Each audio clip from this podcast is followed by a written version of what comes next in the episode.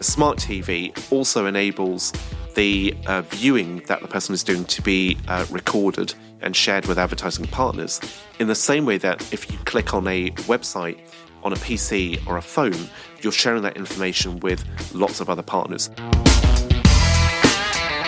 Ja, hallo, hallo, og velkommen til en ny episode av Deloitte-kast. Ja, velkommen skal du være. Ja, og velkommen til deg, Alex. Tusen takk. tusen takk. Ja, fordi For dere som kanskje hørte det, så var ikke det halloen til Andreas eh, i dag. Det var nemlig Alexander Fosseid Bråten som vi har fått inn som eh, vikar, siden Andreas er i pappaperm hjemme med sønnen sin. Ja, Og det er veldig ålreit Ja. å få lov til å være det. Ja, det er veldig gøy å ha deg her.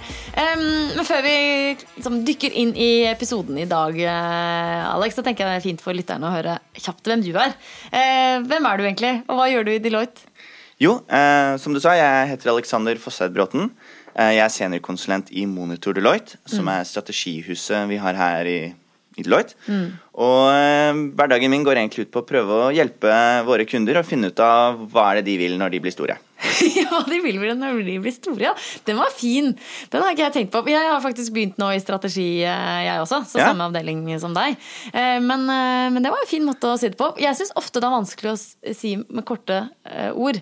Hva man egentlig driver med i Deloitte. Men den syns jeg du klarte veldig bra. Ja. Eh, Takk skal du ha. før du fornøyd med den selv, faktisk. Ja, før du kom hit, så studerte du i Trondheim. Det sant? gjorde jeg. Jeg er student på NTNU. Ja.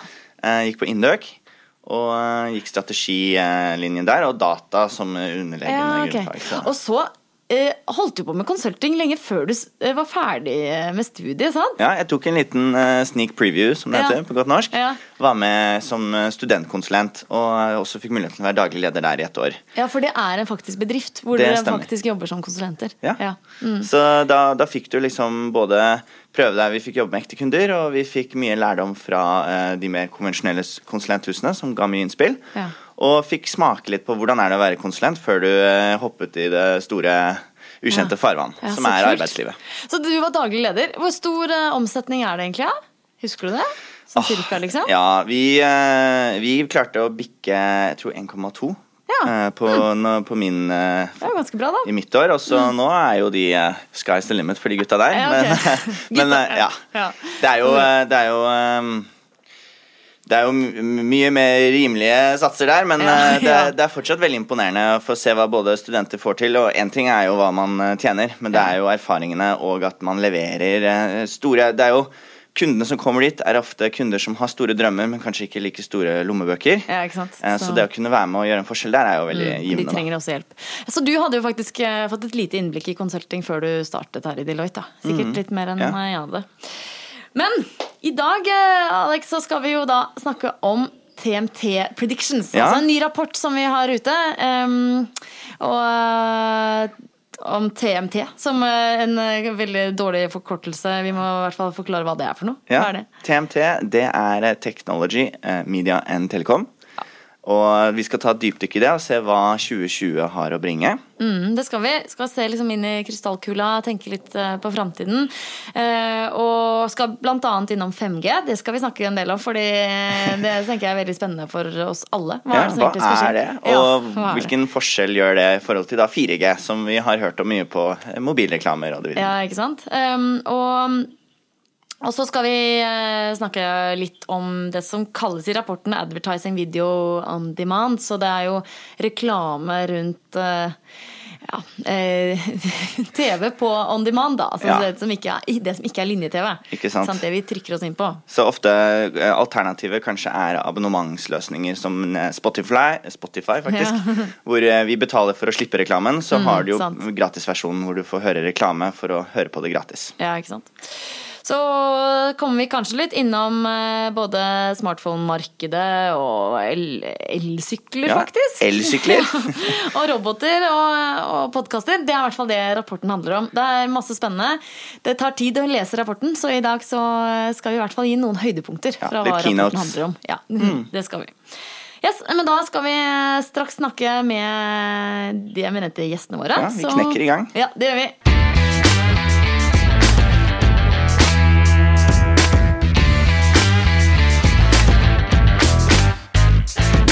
Okay, so hello. Then we're uh, back, Alex. Yeah. And together with us here we have uh, Paul Lee and uh, Joachim uh, Gullaksen. Hi. Hi, hello. Hello. Welcome to both of you. Thank so, you. Paul Lee, you are a Deloitte UK partner, so you're based Mm-hmm. in the UK, and you're the global head of uh, research for the technology, media, and telecom. Yeah. Um, and you have actually published over 32 columns in the Financial Times. I, so, that's, Yes. Yeah, and, Yeah. and also written five books, authored over 80, so 80 TMT reports. It's quite uh, impressive.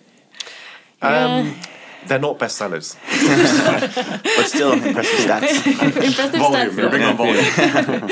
And Joachim, you're, uh, you lead our uh, technology, media, and telecom industry here in Deloitte Norway. Yes. You have broad media sector experience from supporting many of Norway's largest uh, media companies, both on strategy and uh, operational challenges. Yes. Yeah. And it's been an interesting ride the last few years with all the changes happening in the industry. Right. So that's why we're we're so happy to have Paul come every year uh, and talk about what's happening. Uh, because this industry, I think, more than any other industry, um, is is changing at such a pace that it's uh, it's important to keep abreast. Yeah, definitely. So today we have both the UK or the global perspective and the Norwegian perspective, which is uh, which is great. And interestingly, Norway is actually uh, uh, uh, in front on a lot of the trends. So uh, actually, Paul uh, knows a lot about the Norwegian developments just because we are uh, very digitally advanced in Norway. pushing the bo- those borders. Yeah, it's also kind of interesting because uh, w- once I found out that I was allowed to host uh, today today's show, I listened in on some of the previous Deloitte casts, and actually, um, this is not your first time here.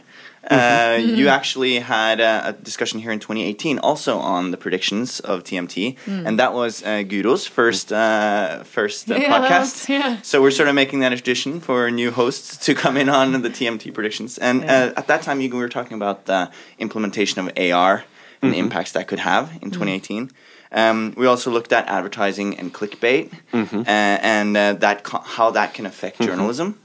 Uh, and finally, we were looking at the survival of the media industry um, when consumers are given the weapon of the ad block, you know, and DVR, and how uh, how um, you know media content adapts to that challenge. Yeah. Uh, So that was a really interesting listen, and uh, it's really cool to be be able to be here and be part of the, our next set of predictions. Yeah, so if listeners are interest, interested in those topics, you can uh, search for the search for that episode. But today, the topic is, of course, the, the predictions for uh, 2020. Um, so, Paul, can you first to give us kind of the headlines? Could you give us a very brief summary of what uh, Sure. what the main topics are? Yeah. So um, the principal topic we're talking to our clients about is around uh, the next phase of 5G. So um, 5G gets released in multiple different phases. So we've had kind of like the consumer launch, uh, which enables smartphones to work on 5G, and um, but probably the bigger impact is going to come through uh, for enterprise. So that's being released this year um, in June, and also next year there's further releases of uh, 5G coming through. Okay. Uh, the big impact is enables um, high speed connectivity to work indoors, um, which unleashes lots of value. But we can talk about that more Yeah. later. Um, another topic is um, advertising video on demand. And it's interesting that we were talking about ad blockers two years ago because there is a part of the uh, industry which says people don't want to watch adverts. And I think people are happy to watch adverts if there is a trade off. And that's what AVOD is all about. So, in exchange for watching adverts, you can have content for a lower price or free. Yeah. So, that's what that prediction is about. We're also looking at the smartphone multiplier. So, it's a half a trillion dollar opportunity. And it's basically the industry that's based on the existing 3 billion user base of smartphones. So, principally advertising, um, apps, um, and accessories. So, those are the three main categories. But that Half a trillion, is, you said? it's half a trillion dollars. Ooh, big numbers. So yeah. yeah, th- they're enormous numbers. Um, and one reason why we are quantifying is just so you can put everything in perspective. So you compare that to another of our predictions, which was around the value of podcasts. So of course, every podcast is intrinsically really valuable, um, but in terms of monetization, low end. So um, Yeah. about a billion dollars. Yeah. So people might be paying hundred dollars to listen to this, um, but it's pretty unusual. Um, and then also we're looking at how cycling addresses lots of the societal needs which are out there, and technology has a big role in reinventing the bicycle. And uh, the last prediction is looking at um, the rise of the industrial robot. Small Yeah. quantities, um, but what we're looking at is the uh, mobile uh, robot, which can move around, uh, which will contribute to uh, automation. So, so the smaller types of robots, are all it reports is about all Um, sizes. so a yeah? lot of robots which are out there actually, all they do is they lift things. They carry things from A to Yeah. B. Um, but it means you don't have to have somebody who's carrying stuff from A to B. So simplest thing is um, in e-commerce, um, in the distribution centers, it's taking uh, the products off the shelf or from the shelves, um, or even carrying the shelf all the way to the packer, um, just to speed up the uh, the, the packing. So you don't have to Yeah. have a person walking sometimes 20 kilometers per day, going to the shelves um, and being like in a perpetual IKEA um, size um, space and constantly looking for things and bringing them back and yeah, then packing them. right. Huh. And I also understood there were service robots in that report uh, as well, in addition to the industrial robots. They're also mentioned in the report, right? Yeah, I mean, th- that's an example of a service robot because in that case, what the robot is doing is, is assisting the person doing the picking and packing. Okay, yeah. So they don't have to walk there. Um, but it could be, let's say, in a car factory, um, a um, just like a trolley which is on wheels and is self-guided, which is taking the products from um, the warehouse or the parts to where the final assembly is uh, taking place. So any application or process where you've got uh, a person pushing a trolley, uh, that can become uh, automation. Automated, yeah. So, which one of these trends uh, do you find like the most surprising, or at least when you're talking to clients, or which which of these 2020 trends are do you think are is the biggest bang? I mean, from the Norwegian expe- uh, perspective, I, I would say that um, um, it was surprising the um, the traction that um, um, advertising, so AVOD, advertising video on demand, has in in um, in uh, other regions, especially Asia. Uh, Paul talked about Asia, and so I don't think the the Western Europe and, and especially the Norwegian media market um, uh, sees that a large competitive force for HBO, Netflix, and the Norwegian versions of a subscription video on demand uh, could be right around the corner. Uh, and obviously, you made the point that in uh, the wealthier the nation, the, the less maybe attraction traction um, advertising video on demand will have. But I would argue, you know, once once you get a few of these um, up and running, then the subscription video on demand services will probably follow um, if there's a price point challenge. So if I, if I could get seventy percent of the Netflix content on a on a advertising video on demand solution at, at zero dollars per month, then uh, Netflix would probably adjust their model as well.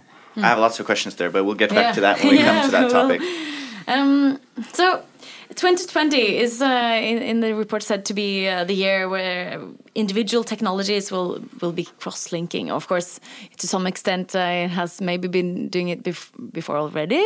But Yeah. why is why is it happening so much? I mean, uh, there's always so it's a confluence of technologies um, which enables applications or new devices. Um, and so, you know, if you look at smartphones or the touchscreen smartphones, so one technology which enabled that was um, a responsive glass. And that was a innovation which was say brought forward uh, to coincide with the uh, it's it's what enabled the launch of the first iPhone.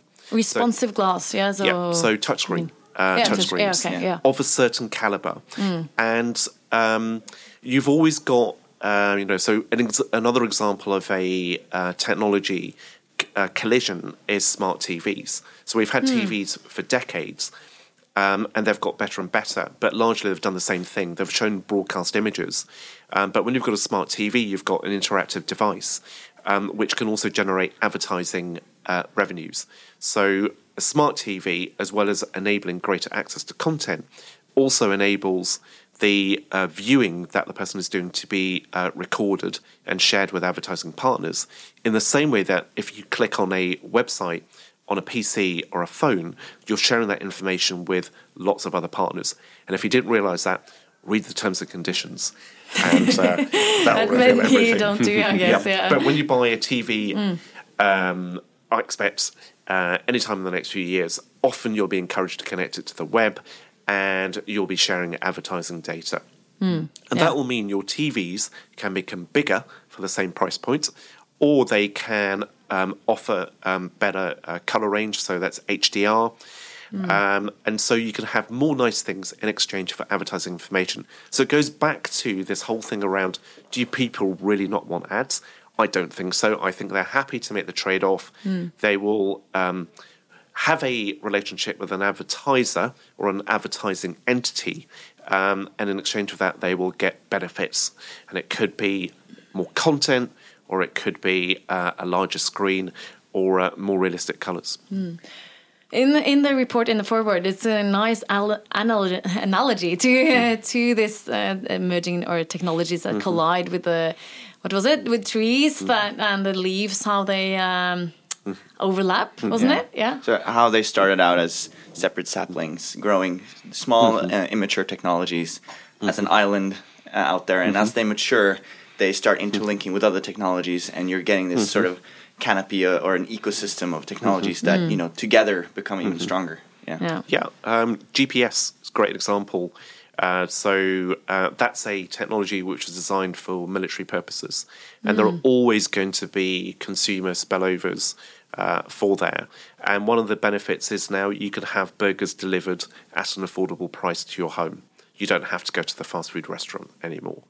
Uh, so it's you know one example of how a technology can be applied into multiple different processes. But that is basically the technology industry and why the technology industry is so uh, powerful, in a sense, is because technology is a fundamental enabler. And I thought a good example was that today when you talked about um, uh, private 5G networks, w- which we'll get into in a second, um, but how that enables um, when we see all these uh, uh, factories with, with very few humans, and it's mostly machines, for example, a distribution center for uh, groceries. And we showed a video in today's uh, seminar where these machines that are sort of on top of a grid dropping groceries into different um parcels or packages that will go out to cu- customers. They're moving at four meters per second, I think you said. so and cool. so they need to communicate 10 times per second in order not to collide. And if you don't Oh, have wow. a good enough uh, and and um, and strong enough network, meaning it doesn't go down, then that's not possible. And so that, in other words, yes, we have the tools and the machines to do that, but we can't connect them without 5G or an Ah, equivalent okay. fast network. Huh. And that's a perfect segue Yes, over it to our first yeah. topic. So 5G. yeah, and uh, so kind of a recap before we start going into 5G. So for listeners that maybe don't uh, remember that the, the previous Gs, that the we can have a quick recap. The the 1G, 2G, etc. The 1G I read came in 1981, and the 2G in 1992, 3G in 2001, and 4G in 2010. So.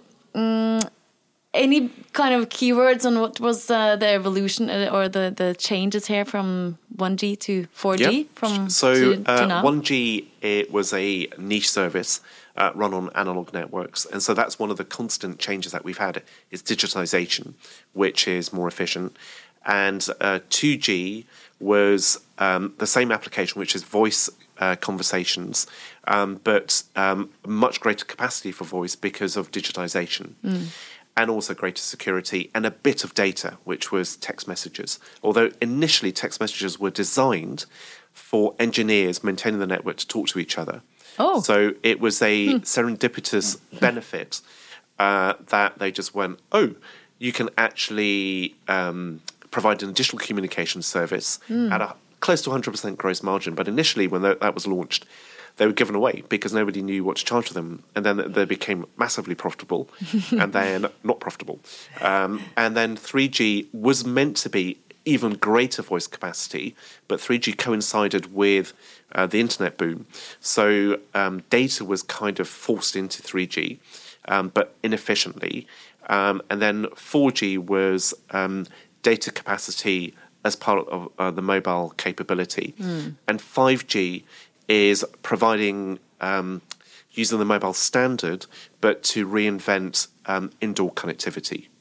So that that's the so it's the mostly benefit there. focused on indoor connectivity. So it mean, won't mean that I will have like better coverage when I'm in the mountains, or Um, Can- no, and probably 5G in the mountains may not make sense because you don't need um, the 5G capabilities in the mountains Yeah. unless what you're doing is you're using it to um, as a specific application to maintain, let's say, the uh, apparatus for um, what do you call them, the ski lifts, and uh, and uh, d- doing visual checks. Uh, Or, for example, the, um, another example from the report this year, if you have a, um, uh, a power grid, and uh, instead of sending people to, to, to visually inspect the power grid, you send drones, Yeah. and you need to control them uh, with a good network. So Ah, maybe, yeah. there's a, a localized 5G network Hooked up to the power grid. following the power grids. yeah. Fo- following, yeah, in a line. In Yeah. kind of, okay, yeah. But it might not be economically viable to build 5G all over Norway, for example, with a sparse population. Yeah.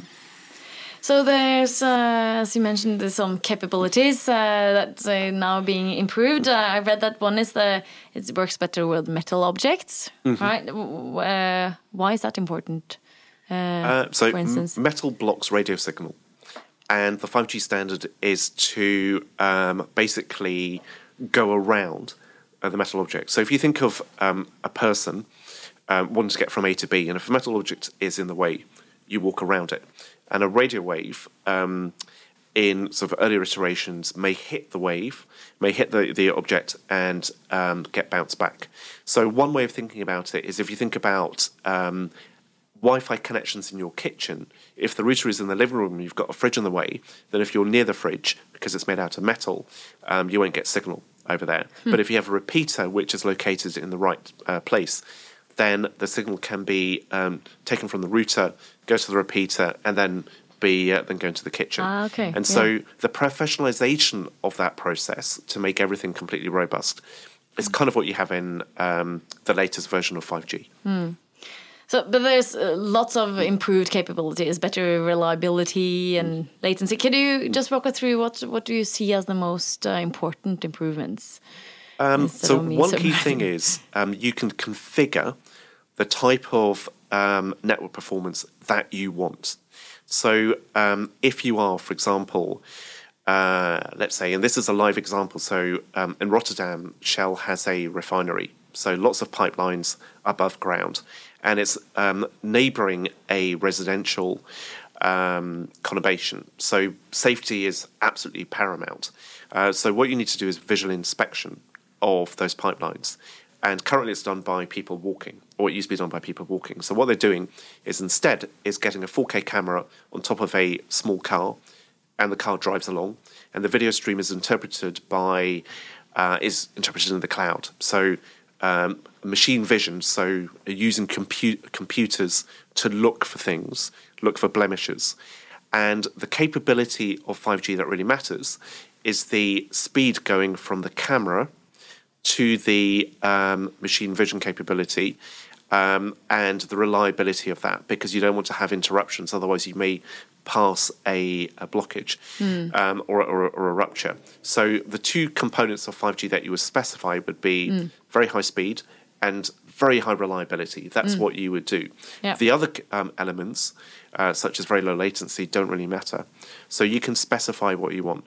If you were to be doing let's say news coverage outside the Norwegian Parliament, um, then the operator could say, okay, we will dedicate this amount of capacity for all the cameras um, and all the radio reporters in the space. And so you'd have very high reliability, perhaps for the main broadcasters, less reliability for the lower broadcasters. But you can specify the quality of service by application, by day. So you have a lot of that flexibility. A lot of control, really. Yeah, you have a lot of control, and also what that means is that you use the radio spectrum uh, a lot more efficiently, uh, and that's what a lot of also is happening. So as you move from G to G, you get greater and greater efficiency uh, and greater capability as well.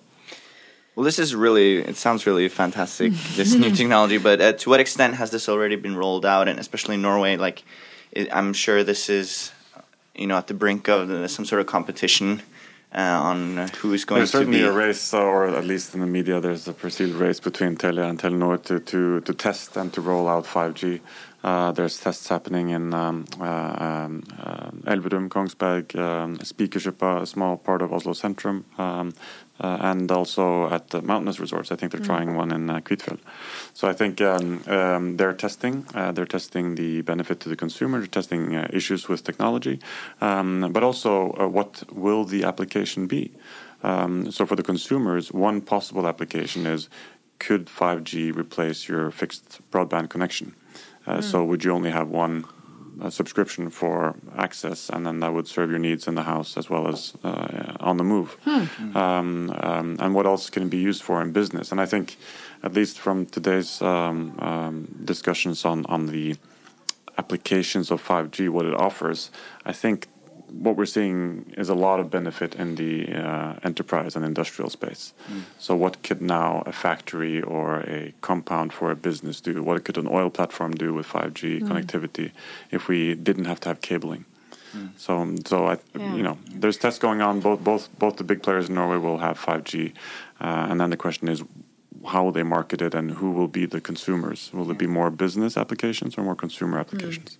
because that's that's a big part of the game changer of 5G, from my understanding, is the fact that you know it, it makes cabling quite redundant. Uh, and for one thing is for you know existing legacy systems that maybe are maxed out with cabling in the walls and stuff, but especially greenfield buildings where you no longer need cabling. You just basically set up the nodes and everything just works. Um, so is, is that is that where do you think the biggest amount of value would come for that in in the future? I mean, so with any, um, say, new technology, you've got different levels of um, benefit which come through, and it depends how much you invest uh, in them. And so a lot of the immediate benefit will just be removing the cables. And that is a straightforward, easily understandable um, economy in terms of setup time, for example. And that could be applied to uh, outside broadcasts for TV. And then um, the next phase is how do you um, reinvent processes so to take advantage um, of that capability. Um, so if you look at um, the delivery model um, for food, then what happens is because 4G speeds, so the prior technology, enable mapping information to be delivered to anybody within 4G uh, range.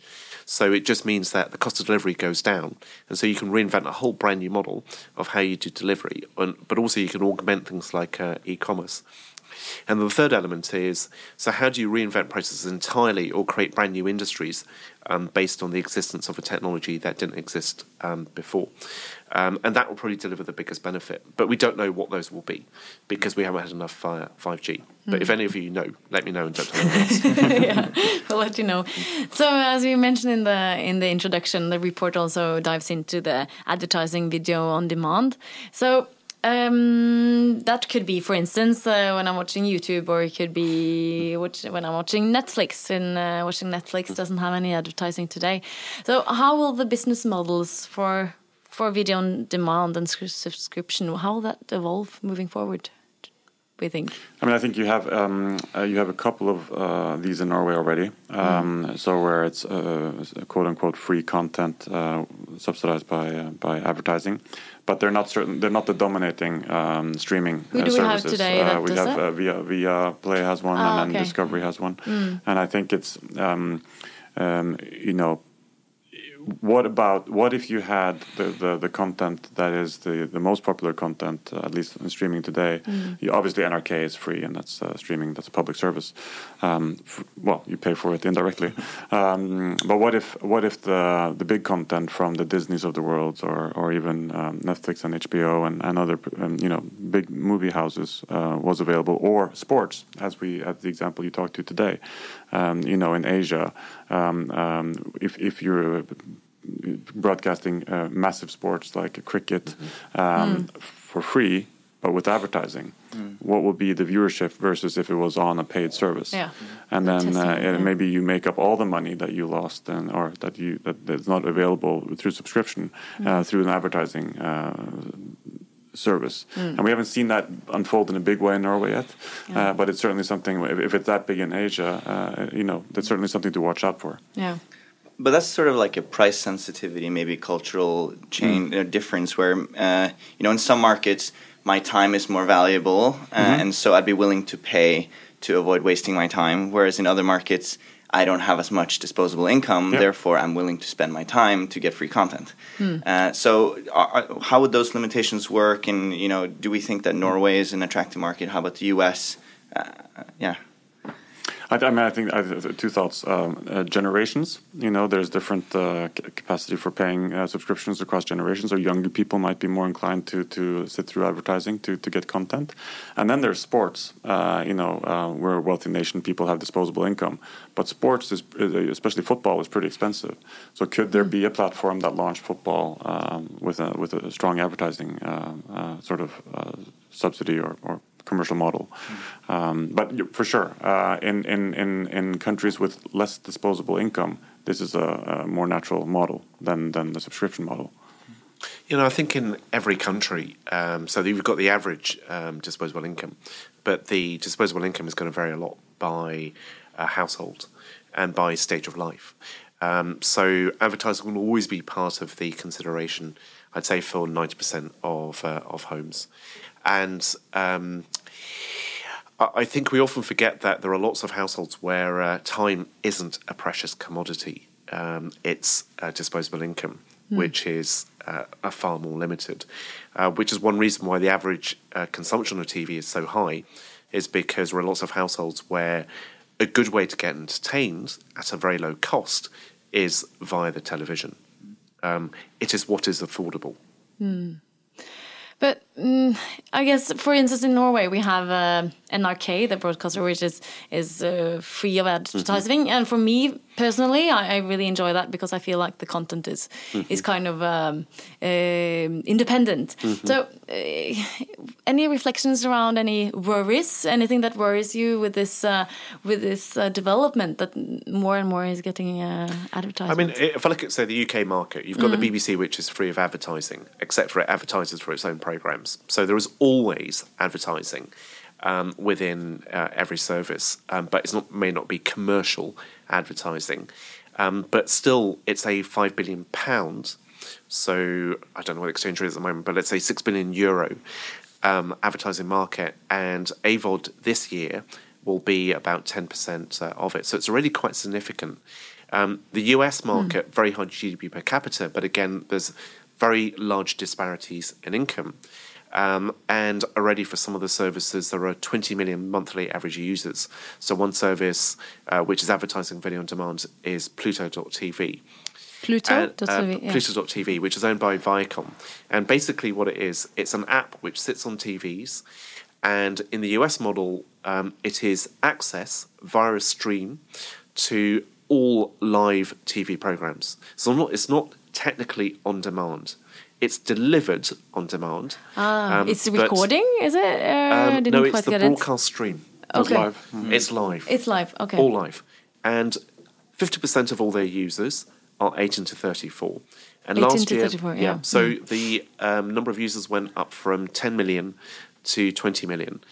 Um, and um, what we'd expect to see is, you know, probably in the US, there will be probably 100 million users of AVOD in terms of aggregate mm. um, subscriptions um, within a few years. So, one service that launched last week is Peacock from Comcast, um, which is a big cable provider who also owns Sky um, in Europe.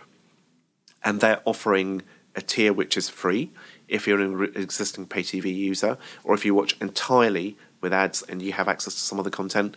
And then they've got another tier which is at $5, another tier which is at $10. Mm. And for some homes which are quite wealthy, they may just go, I'll just add that. Because if I want to watch, you know, program X or program Y, they've got the exclusive, I'll just sign up. And for some households, five dollars a month and I'll forget about it. Yeah. And I'll add it to the seven or eight different programs uh, or services that the household is subscribing to. Mm, right. So uh, the report also goes into a quite a complete different topic. I was quite surprised actually when I uh, when I skimmed through myself that electrical bikes is also a, a topic. So um, I saw that McKinsey also recently uh, launched a report where they kind of landed on a different conclusion with going uh, more focus on on cars moving forward. But we are really emphasizing. Uh, uh, the rise of electrical cars. Uh, why is that? And and what is happening on this front? So the thing about electrical cars is basically they're exactly the same as uh, petrol engine or hybrid cars. Um, in that they are very large pieces of metal which occupy a large amount of land, require large roads uh, to transport people on, and on average in the US it's 1.1 passengers per journey And quite low utilization as well. and very low right. utilization. Um, so, in terms of amount of space, in some US cities, a third of all space is car parking. One third of all space is all car parking. spaces- Yeah. So, if you look at how much space is dedicated to housing, so in the amount of people you, you can get in, let's say, 300 square kilometers, sorry, 300 square meters, if you're building up, phenomenal number of people, not that many cars. They require Yeah, lots right. of space. Yeah. If you're driving along, you need to have lots of gaps between uh, people. Um, where they are repurposing a parking space and creating bike spaces, you can get 10 bikes in that space. But, the, but the, the really interesting thing about so any technology enables an existing object to be transformed. You put an electric battery into a car, it's still a car. You put an electric battery into a bike, which was formerly manually powered, and you can completely redesign what a bike is. That's the benefit of the electric bike. And when you add in other elements of technology, such as better signaling, better lights, um, inbuilt cameras, um, and some, um, so some models of phone now they have this capability which isn't used, which is being able to project a beam of data. So it's a bit like um, data sharing, but you can target it. So with this phone, I could unlock um, a bike using the phone. Um, so those things are all coming, um, are becoming available. So maps, um, which tell you how long it will take to get from A to B, using different modes of transport, including bikes and electric bikes. All these things, I think, will generally nudge us into using um, bikes more as a form of transport. Yeah. And what that addresses is congestion, addresses emissions, addresses fitness levels, um, and brings people closer together because what roads do is move, move people further apart.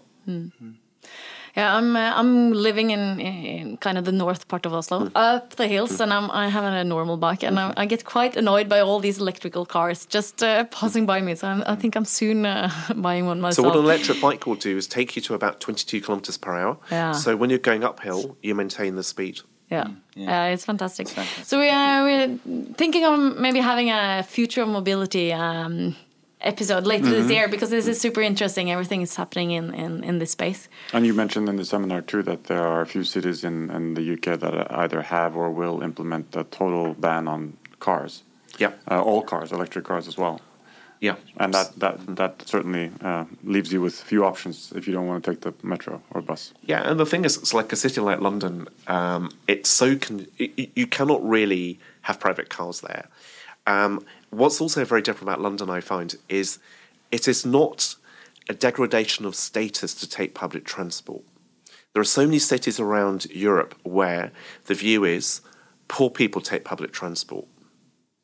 And you need to have the attitude where it is um, stupid people take cars. That, that's the kind of change It's of a mindset. you need. It's a mindset It's a mindset, and it's amazing how frail egos are.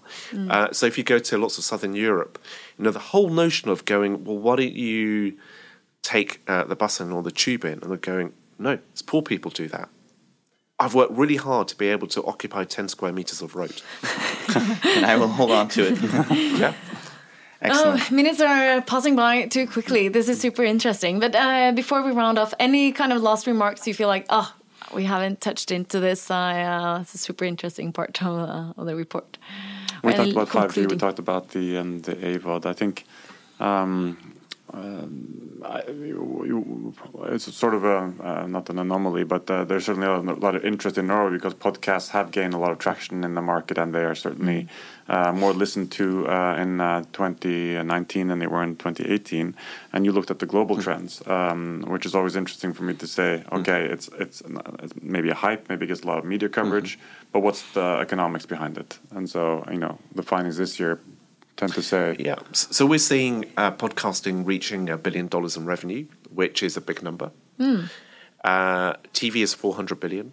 Uh, radio is about 40 billion. Uh, cinema is not very uh, far from that. So um, when you compare different forms of media, then podcasting looks uh, not so strong. and it's a forecast. So and it depends on um, benign uh, conditions as well. So one thing we've always been forecasting as being about to hit a billion dollars is esports. So we we did that last year. And uh, every Esports? year, What, uh, was that, e- esports is where people pay to watch other people play video games. Oh yeah, yeah, yeah, yeah. All right, that's so And the thing is, so watching um, physical athletes compete is tends to be quite enthralling. Watching people operating a keyboard and a mouse tends to be less visually uh, compelling. So, uh, and I think that's one of the constraints, fundamental constraints on esports is it's not a great spectator sport. Whereas um, anything pugilistic, you know, say like bo- boxing or wrestling, where there is the real or perceived risk of uh, damage. It, that's that's what humans are hardwired Something to uh, primal. enjoy. It's primal, yes. You know, it, it, that, that is that is it, and we cannot get away from the fact that we are still uh, very primal and not as cerebral as perhaps we would like to believe. Which I think is another reason why podcasts, which are a lot about self improvement, that is one of their fundamental constraints. Because I was People going like to say, frivolity. yeah, are, are you suggesting we should bring boxing into podcasts? But I don't think that's something. You know, considering No. we're sitting in a podcast right now. Not for a Deloitte cast, I think, but uh, That would be yeah. a fascinating convergence. um, yeah. But I think it will be interesting to see if if um, if the Norwegian podcast uh, producers, uh, which is really the media industry, um, can um, can generate either subscription revenue or advertising revenue. Definitely super interesting, and uh, definitely me as a podcast host, I definitely have believe in this uh, in podcasting, the of medium, course. yeah. Yeah, and then that it will take off further. Uh, so. Thanks a lot, both uh, Joachim and uh, and Paul. Today we uh, touched upon uh, lots of different uh, topics, and and we came on to uh, 5G. Why is it important? Yeah. What did you learn today, uh, Alex? I, I really um, well on 5G. I, th- I think it's really interesting to look at the you know opportunity space that that makes gives industries to generate value and also reduce costs. Um, but for me, I think the most interesting topic is the advertising video on demand and what implications that will have for me. Yeah. Uh, it's a more universal topic, perhaps. Uh, and you know, uh, I already pay for my uh, HBO and Netflix. Am I now supposed to watch advertisements as well? And where where are we heading there is going to be right. really interesting and maybe more emotive uh, um, outlook. Yes. How about you? Yeah, no, I definitely also think that's interesting, and and uh, also find uh, electrical bikes. I, I believe in that as well, both for the also for the sustainability agenda moving fo- forward. So, um, but I think that's uh, that's it uh, for uh, for us today. Yeah. But uh, check out the report on uh, on Deloitte.com/insights. Yeah. and uh, or just Google TMT predictions 2020. It's Yeah. um, lots of fun stuff we didn't get time to get into today, but uh, I think that's uh, that's it for today. Thanks all. Yeah. We'll see you around. See you around, or uh, vi, Vi høres. høres.